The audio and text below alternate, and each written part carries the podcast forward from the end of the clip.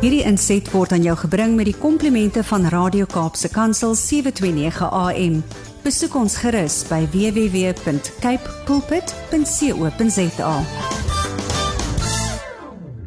Welkom by ons program oor die leefwêreld van mense met gestremdhede. Ons gesels saam oor wat die pad van ons mense met gestremdhede in Suid-Afrika is en hoe ons dit kan aanpak om mense te integreer en dit is altyd lekker om saam te gesels en die luisteraars na vore kom met uh, navrae en en dis meer. Nou ek het 'n persverklaring gesien van die Nasionale Raad van en vir persone met gestremthede wat handel oor 'n baie sensitiewe saak en baie luisteraars het ook natuurlik na vore gekom in die verlede en ook soos pas is onlangs oor hierdie spesifieke saak en dit is die Engels is listening fatigue.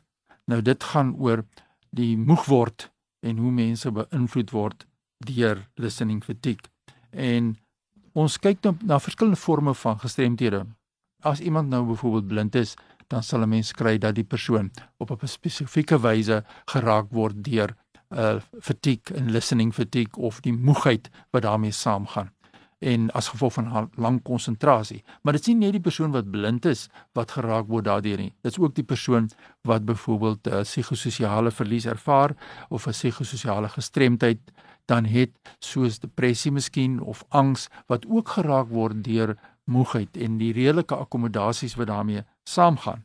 So as ek nou luister na die verklaring wat die nasionale raad hier beskikbaar gestel het, dan is dit eintlik bietjie meer gefokus op iemand met gehoorverlies, maar dit raak alle forme van gestremthede wat deur moegheid geraak word in terme van die moegheid self en dan het dit iets te doen met die gestremdheid of en hoe moet dit redelik akkommodeer word binne in die werkplek. So as jy 'n persoon met 'n gestremdheid is of ken en word geraak deur moegheid en ook luister uh, moegheid, dan uh, is hierdie insetsel spesifiek net vir jou. Nou die nasionale raad en ek gaan die Engels aanhaal en dan werk ons so deur die persverklaring van die nasionale raad want dit is in Engels beskikbaar gestel sê can affect the social relationships, performance at work, and overall happiness of persons with impairments, specifically persons who are deaf or hearing impaired, wat hierdie artikel nou voorgeskryf is. Maar belangrik, as 'n mens moeg raak, dan raak dit jou sosiale verhoudings en jou uitsette by die werk word daardeur beïnvloed. So, dit is 'n ware realiteit. Die goeie nuus is natuurlik dat daar is verskillende wyse hoe mens dan dit in plek kan plaas om die persoon te help om hierdie moegheid dan te kan oorkom en die uitputting dan te voorkom. Maar ons moet bedag wees daar daarop. Maar soos die nasionale raad sê, 'n mens moet eerstens erkenning dan hê vir hierdie saak en sê kyk, ek word geraak as gevolg van my gestremdheid deur moegheid. Baie belangrik, sê die nasionale raad, is funksionele verslae rondom die persoon met 'n gestremdheid, met die spesifieke gestremdheid kan dan van uh, aangevra word of beskikbaar gestel word deur die uh, die gesondheidskundige, die health professional. En 'n mens kyk nou na verskillende forme sielkundig van aard of psigososiaal sal dit natuurlik wees die uh, sielkundige wat dan uh, mense bedag kan maak daarop. En aan die ander kant ook dan nou die audioloog as dit nou kom van iemand met gehoorverlies. Nou hulle kan 'n aanduiding gee tot watter mate hierdie spesifieke persoon sê die nasionale raad dan geraak word deur listening fatigue. Die wetskrif op die regte van persone met gestremthede is natuurlik baie duidelik oor die kwessie van kommunikasie. Want waaroor gaan hierdie moegheid baie keer dit gaan ook die uit fisiese uitvoering van jou take natuurlik, maar dit gaan ook oor kommunikasie. So kom ons kyk 'n bietjie wat sê die die uh, wetskrif op die regte van persone met gestremthede oor kommunikasie. Communication includes languages, display of text, braille, tactile communication, large print, accessible multimedia as well as written audio and plain language and whisper interpretation, note-taking services Dis alles wat deel uitvorm van kommunikasie.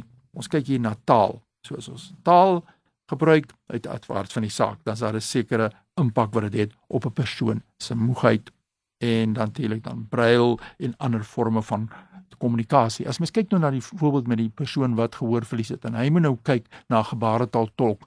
Die kwessie is hoe lank word daardie gebaretaal tolk gebruik? Eerste instansie voordat die gebaretaal tolk verwissel word. Mense kan vir ure en ure aangaan in vergaderings sonder om die gebaretaal tolk dan 'n behoorlike breek te gee, kan as ek dit so kan stel, dat die, die tolke mekaar kan afwissel. Is daar twee tolke beskikbaar? Dan kry jy mense aan die ander kant van die persoon wat sit en luister na daardie uh, gesprek wat die gebaretaal tolk moet volg, die dowe. En dan is daar persone wat afhangend is van natuurlik mense met sigverlies het en daar's byvoorbeeld agtergrond geraas. Die persoon is net op sy ore af uh, hang af van die inligting wat hy kry deur deur maar wat hy hoor en dan is dit ook 'n effek wat dit kan hê op die persoon se moegheid. So dit is al wat ons gaan gesels oor hierdie saak hierdie week en dit is oor listening fatigue.